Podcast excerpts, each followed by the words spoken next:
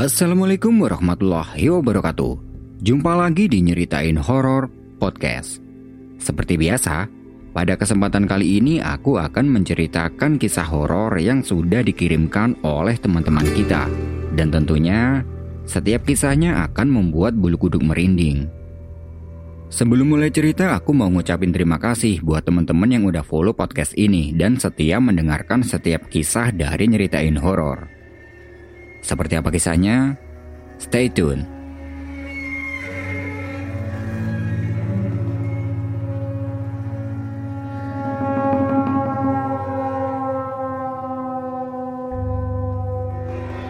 Awal cerita, waktu itu Aida ditawari teman-temannya untuk mendaki ke Gunung Arjuno. Teman-temannya Aida ini kebanyakan memang pencinta alam, begitupun dengan dirinya sendiri. Mendengar ajakan itu, Aida ingat dengan teman-teman di kampus, yaitu Anjani dan Evi. Karena tempo hari mereka pernah bilang ingin mendaki ke Gunung Arjuno, tapi belum kesampaian. Dia menghubungi Anjani melalui telepon. Jan, minggu depan aku sama teman-temanku mau ke Arjuno. Mau ikut nggak? Wah, boleh banget tuh. Siapa aja? Ada teman-temanku di sini. Katanya kemarin kamu dan Evi pengen banget ke Arjuno. Wah, boleh tuh. Aku ikut. Yaudah tanyain Evi juga ya. Anjani langsung mengajak Evi dan tanpa banyak bertanya, Evi juga mau. Oh iya, Aida, Evi, dan Anjani ini adalah teman satu kampus dan sudah biasa piknik bareng. Aida mengatur rencana pendakian ini bersama teman-temannya, dan pendakian akan dilakukan minggu depan. Sebelum itu, Aida minta pada Anjani dan Evi untuk berolahraga kecil karena mengingat Gunung Arjuno ini adalah gunung yang cukup berat untuk didaki. Anjani dan Evi melakukan apa yang diminta Aida dan singkat cerita, tibalah waktunya mereka berangkat ke Gunung Arjuno. Perbekalan sudah diatur sama Aida dan teman-temannya. Jadi, Anjani dan Evi hanya membawa perbekalan pribadi saja. Siang itu mereka berkumpul di tempat yang sudah disepakati. Sesampainya di sana, Anjani dan Evi berkenalan dengan orang-orang yang juga akan ikut. Jadi di situ sudah ada lima orang teman-temannya Aida dan mereka semua adalah cowok. Sebut saja mereka yang cowok itu adalah Imam, Mujib, Gozali, dan Freddy. Mereka semua ini cukup berpengalaman di bidang pendakian setelah sudah pada kenal, mereka langsung bersiap-siap berangkat menuju ke base camp pendakian Gunung Arjuna via Tretes. Aida, Anjani, dan Evi dibonceng mereka yang cowok, sedangkan Imam selaku ketua grup berkendara sendiri. Setelah menempuh kurang lebih satu jam perjalanan, sampailah mereka di tempat tujuan. Sesampainya di sana, ya seperti biasalah, seperti pendaki pada umumnya. Mereka mengurus izin pendakian dan segala macam. Setelah itu mereka istirahat sebentar sebelum pendakian ini dimulai. Ketika sedang istirahat itu, Imam memberi arahan pada mereka semua, terutama yang cewek. Untuk pendakian, nanti usahakan jangan ada yang terpisah dari rombongan, karena itu sangat bahaya. Mengingat Gunung Arjuna via Tretes ini hutannya terbilang masih cukup lebat. 30 menit istirahat dan briefing, perjalanan dimulai pada pukul 1 siang. Di awal-awal perjalanan tidak ada kendala apa pun. Mereka berjalan dengan posisi imam di paling depan dan Gozali di paling belakang. Perjalanan menuju ke pos 2 ini cukup menguras tenaga. Meskipun beberapa kali istirahat di pinggir jalur, akhirnya mereka bisa sampai di pos 2 sekitar jam 4 sore. Di pos 2 mereka istirahat. Dan ketika sedang istirahat itu, Anjani dan Evi pamit sebentar. Katanya mereka mau buang air. Sementara Anjani dan Evi pergi, mereka yang lain menunggu di pos 2 sambil makan cemilan. Tidak lama kemudian Anjani dan Evi kembali dan perjalanan pun kembali dilanjutkan. Perjalanan menuju ke pos 3 tidak ada halangan apa pun, hingga sampailah mereka di sana sekitar jam 9 malam. Di pos 3, mereka istirahat lagi, dan di situ imam menanyakan kondisi mereka semua. Kalau masih kuat, dia mau ngajakin untuk lanjut berjalan sampai ke lembah Kijang dan akan bermalam di sana. Karena menurut Iman, di sana tempatnya lebih nyaman untuk bermalam. Mereka yang lain hanya menurut dengan imam, dan karena malam itu kondisi mereka masih fit, mereka lanjut jalan lagi menuju ke lembah Kijang. Singkat cerita, sampailah mereka di sana sekitar jam 10 malam. Sesampainya di lembah Kijang, mereka yang cowok langsung mendirikan tenda, sedangkan yang cewek mempersiapkan peralatan untuk makan malam. Setelah semua tenda sudah berdiri, mereka semua masak bareng-bareng dan menyantap makanan di bawah langit yang cerah dan suhu yang sangat dingin. Setelah makan, semuanya langsung masuk ke tenda masing-masing. Aida dan Anjani tidur di satu tenda. Ketika sedang berada di dalam tenda, sayup-sayup, Anjani mendengar ada suara yang minta tolong. Tolong! Tolong! Tolong! Anjani tanya ke Aida. Eh, Dak, kamu dengar ada suara nggak? Suara? Suara apa, Jan? Coba deh dengerin. Mereka berdua diam untuk mendengarkan suara minta tolong tadi. Tapi, ketika didengarkan suara itu hilang dan tidak teriak lagi. Mana sih Jan? Gak ada suara apa-apa gini kok. Tanya Aida.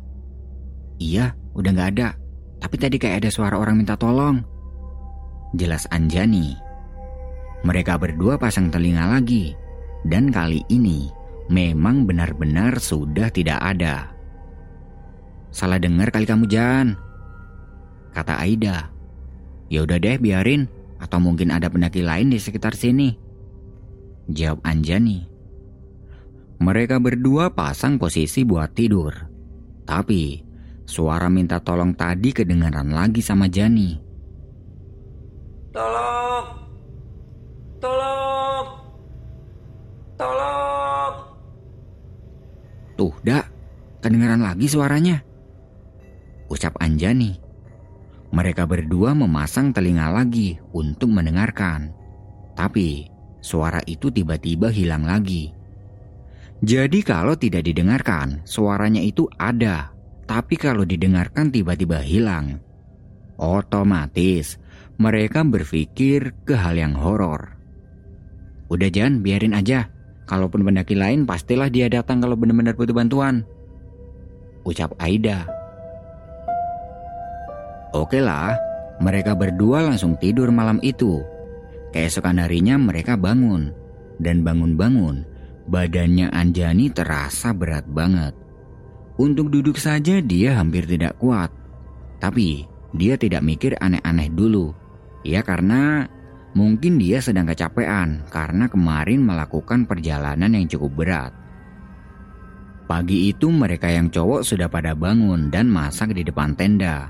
Anjani dan Aida keluar untuk membantu masak. Nah, ketika sedang masak itu, Anjani benar-benar merasa kalau badannya ini terasa sangat berat.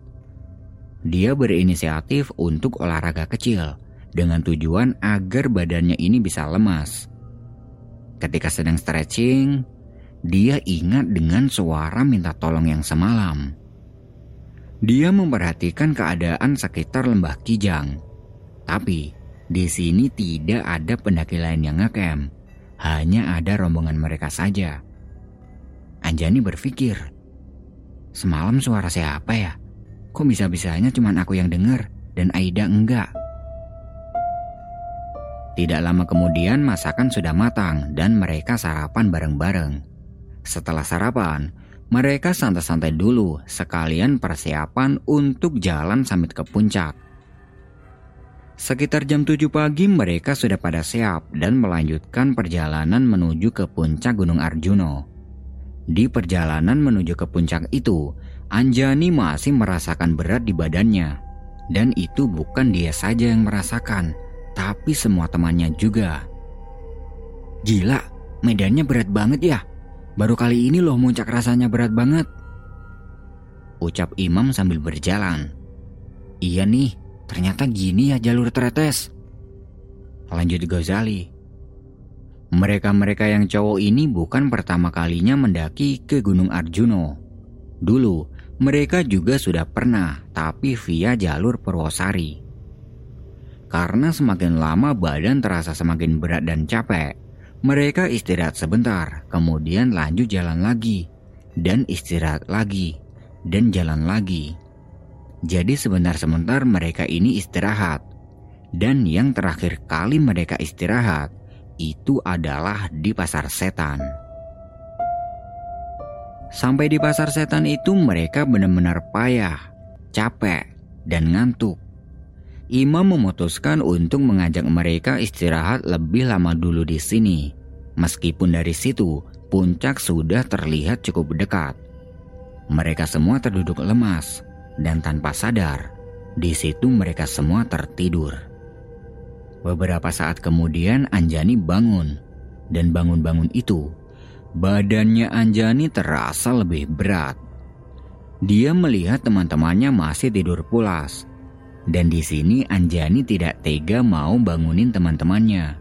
Karena kalau dilihat teman-temannya ini pada kelelahan. Akhirnya dia biarkan saja dulu, biar teman-temannya ini bangun sendiri. Dia jalan-jalan keliling pasar setan. Dan tidak lama kemudian, ada angin yang cukup kencang disertai debu. Di sini Anjani kelilipan dia berusaha mengeluarkan debu yang masuk ke dalam matanya itu. Tapi, sepertinya debu itu susah untuk keluar. Sudah dikucek-kucek beberapa kali dan segala macam. Karena angin tadi teman-temannya ini pada bangun. Udah bangun, Jan? Udah, baru aja bangun. Kenapa kamu? Mata kamu kok merah gitu? Gak apa-apa, dak. Habis kelilipan debu, Imam memberi air putih ke Anjani agar matanya itu dibasuh pakai air. Tapi tetap saja debu itu tidak mau keluar dan matanya Anjani masih terasa mengganjal. Ya sudahlah, sama Anjani dibiarkan saja. Lalu Imam mengajak mereka semua untuk lanjut jalan ke puncak. Beberapa menit berjalan, sampailah mereka di puncak Gunung Arjuno. Di situ mereka sangat senang dan rasa capek yang mereka rasakan tadi sudah terbayar semua dengan pemandangan yang disuguhkan. Mereka menikmati suasana puncak. Anjani dan Aisyah pisah sama rombongan yang cowok untuk menikmati kesenangannya sendiri. Nah, ketika sedang berduaan dengan Aida, Anjani melihat temannya yang bernama Gozali ini sedang berdiri di bibir jurang. Seakan-akan Gozali ini ingin lompat ke dalam jurang. Menyadari itu Anjani teriak dan spontan Aida juga memperhatikan ke arah bibir jurang. Jani, kenapa teriak? Itu Gozali, ngapain mau lompat ke jurang? Mana Gozali? Itu dak di bibir jurang. Aida melihat lagi ke bibir jurang tapi di sana dia tidak melihat ada siapa-siapa. Sedangkan Gozali yang dimaksud itu, dia sedang berada di Tugu Puncak bersama teman-teman cowok yang lainnya. Jadi, itu Gozali ada di sana? Ucap Aida sambil menunjuk ke arah Tugu Puncak. Jani melihat ke arah Tugu Puncak juga. Dan ternyata benar, di situ ada Gozali dan teman-temannya. Dia melihat lagi ke arah bibir jurang. Tapi di sana sudah tidak ada Gozali. Anjani bingung. Padahal tadi jelas-jelas dia melihat Gozali sedang berdiri di pinggir jurang. Dan seakan-akan dia mau melompat.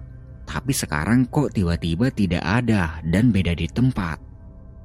Dia menjelaskan itu pada Aida. Salah lihat kamu paling Jani, Orang dari tadi mereka yang cowok ada di sana kok. Ucap Aida. Anjani masih belum habis pikir. Lalu dia mengabaikan apa yang dilihatnya tadi dan menganggap omongan Aida tadi itu benar kalau dia salah lihat. Anjani dan Aida menghampiri teman-temannya yang cowok. Di bawah tugu puncak, mereka bercanda-bercanda. Dan dari tugu puncak itu Anjani melihat sebuah pemandangan yang aneh. Di sebuah batu yang letaknya ada di tebing jurang, dia melihat ada orang yang sedang bertapa. Dan orangnya ini berpakaian sangat kuno. Anjani melihat lebih jelas lagi orang yang sedang bertapa itu. Dan ternyata benar, itu memang benar-benar orang. Dan orang itu, tubuhnya dilingkari seekor ular yang sangat besar.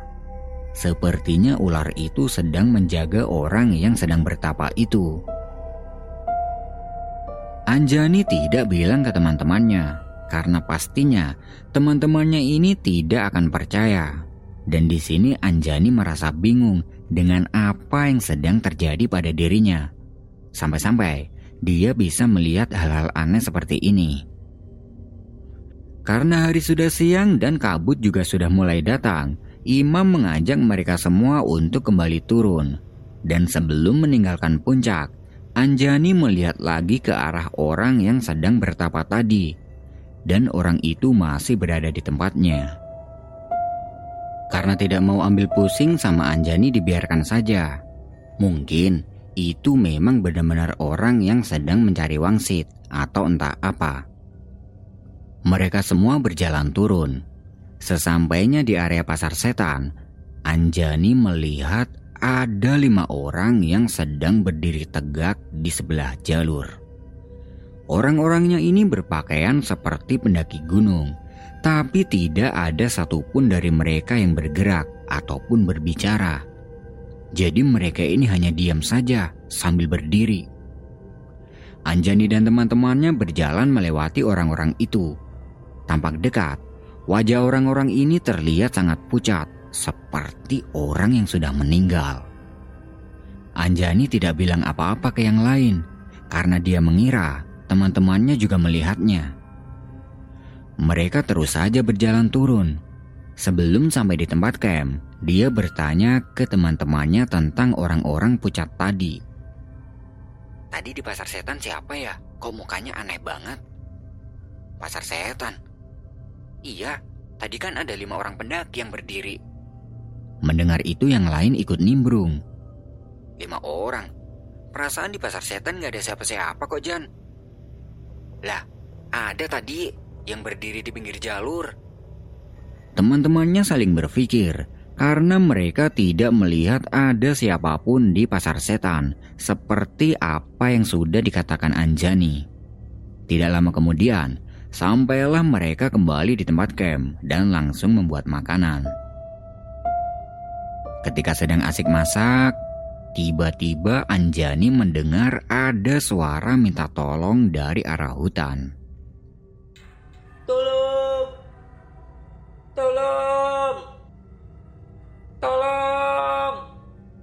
Dilihat ke arah hutan, ternyata di sana ada Aida yang sedang teriak sambil melambaikan tangan ke arah Anjani. Sepertinya di sana Aida butuh pertolongan. Mulai dari sini Anjani tidak ingat apa pun. Tahu-tahu dia merasa badannya ini ditarik ke belakang sama teman-temannya. Jani, kamu mau ke mana Jan? Ucap Imam dan di situ sudah ada teman-temannya yang lain juga. Anjani yang tidak ingat apa pun jadi bingung kenapa dia tiba-tiba ada di sini. Terakhir yang dia ingat adalah di hutan Aida sedang butuh pertolongan. Tadi aku ngelihat Aida minta tolong di sana. Kamu ngelindur ya? Dari tadi kita sama-sama. Beneran, tadi Aida minta tolong di hutan itu. Dari sini, Imam sudah mulai merasakan kalau ada keanehan yang terjadi pada Anjani. Bukan dari sini sih, sejak Jani bilang kalau di pasar setan tadi ada orang, Imam sudah mulai merasa. Yang terjadi pada Anjani ketika tidak sadar tadi, ternyata ketika yang lain ini sedang sibuk memasak, tiba-tiba saja Anjani nyelonong gitu aja dan berjalan ke arah hutan. Yang lain sudah berteriak ke Anjani, tapi Anjani cuek saja dan terus berjalan ke arah hutan. Hingga akhirnya teman-temannya mengejar Anjani dan menghentikannya. Teman-temannya membantu Anjani untuk kembali ke tenda. Dan ketika sedang perjalanan kembali ke tenda, Anjani melihat kalau di lembah Kijang ini sangat ramai. Banyak orang yang sedang mondar-mandir dan juga ada beberapa gubuk kayu. Kok tiba-tiba banyak orang? Orang? Di mana Jan? Itu banyak orang. Masa kalian nggak ngeliat sih?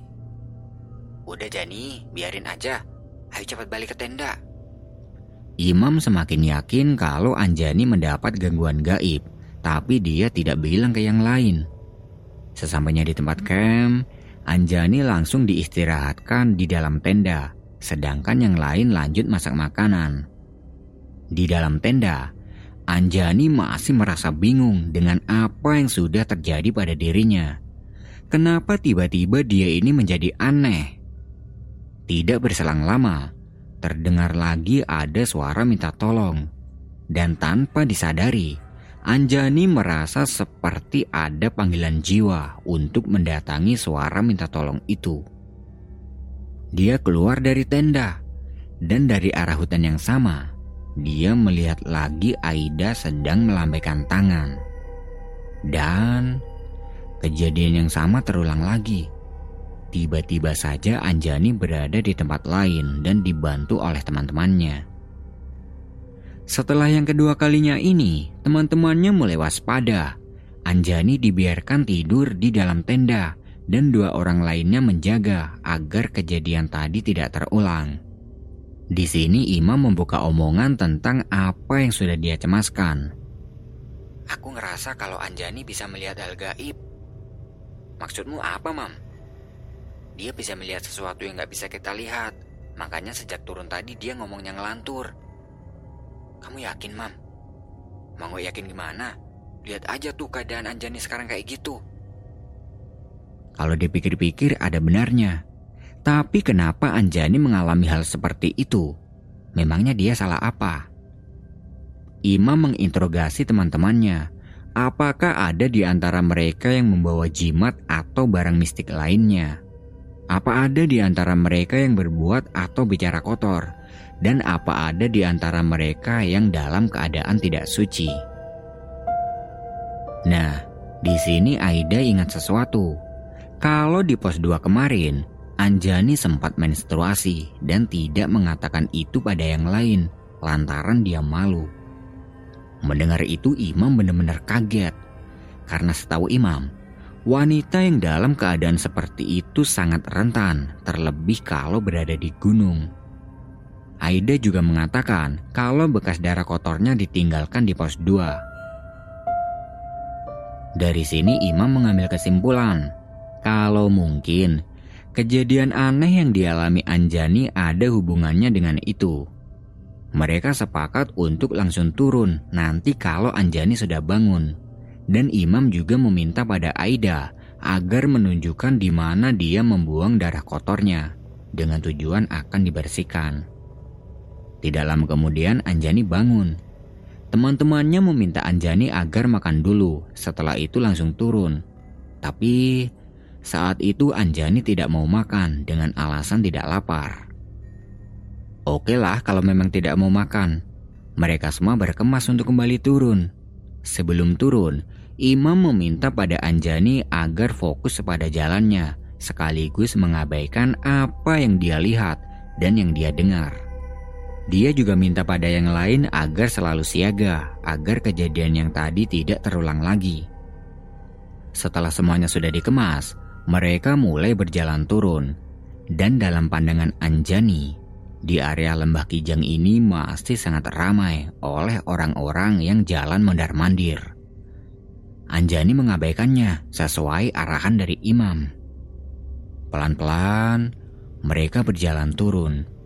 Dan di tengah perjalanan dari pos 3 menuju ke pos 2, lagi-lagi Anjani mendengar ada suara minta tolong dari arah dalam hutan. Dan spontan, Anjani langsung berlari menghampiri suara itu tanpa disadari arah dia berlari itu adalah arah menuju ke lembah. Imam dan Gozali langsung berlari mengejar Anjani. Tapi larinya Anjani sangat kencang, sampai-sampai Imam dan Gozali ini kesulitan. Setelah mendapatkan, Imam langsung menarik tangannya Anjani sampai dia terjatuh.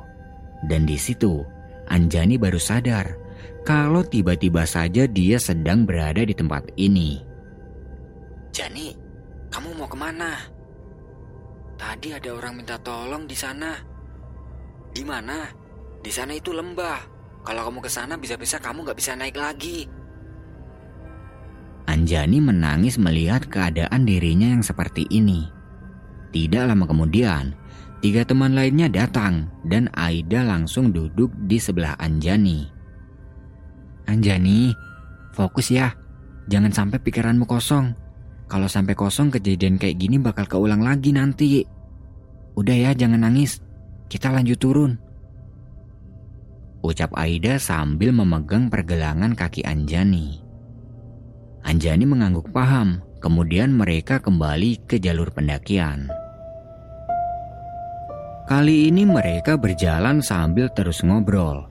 Tujuannya agar Anjani pikirannya tidak kosong. Singkat cerita, Sampailah mereka di pos 2. Di situ Imam minta tolong pada Aida untuk menunjukkan di mana kemarin dia membuang bekas darah Anjani. Setelah ditemukan, Imam membawanya kembali turun untuk dibuang ke tempatnya. Di pos 2 itu mereka tidak beristirahat lama karena khawatir dengan keadaan Anjani. Di sepanjang perjalanan turun dari pos 2 menuju ke base camp, mereka terus mengajak Anjani untuk ngobrol. Dan syukurlah, kali ini tidak ada kejadian apa pun yang dialami Anjani hingga sampai kembali di base camp. Darah bekas Anjani tadi dibuang ke tempatnya, dan Imam mengajak Anjani ke sebuah tempat untuk meminta maaf pada penghuni Gunung Arjuno. Dan semoga apa yang terjadi pada Anjani waktu itu tidak kejadian lagi di rumah Sejak itu Anjani sudah merasa lebih baik dari sebelumnya. Dan syukurlah, kejadian itu dialami Anjani di gunung saja, tidak sampai di rumah.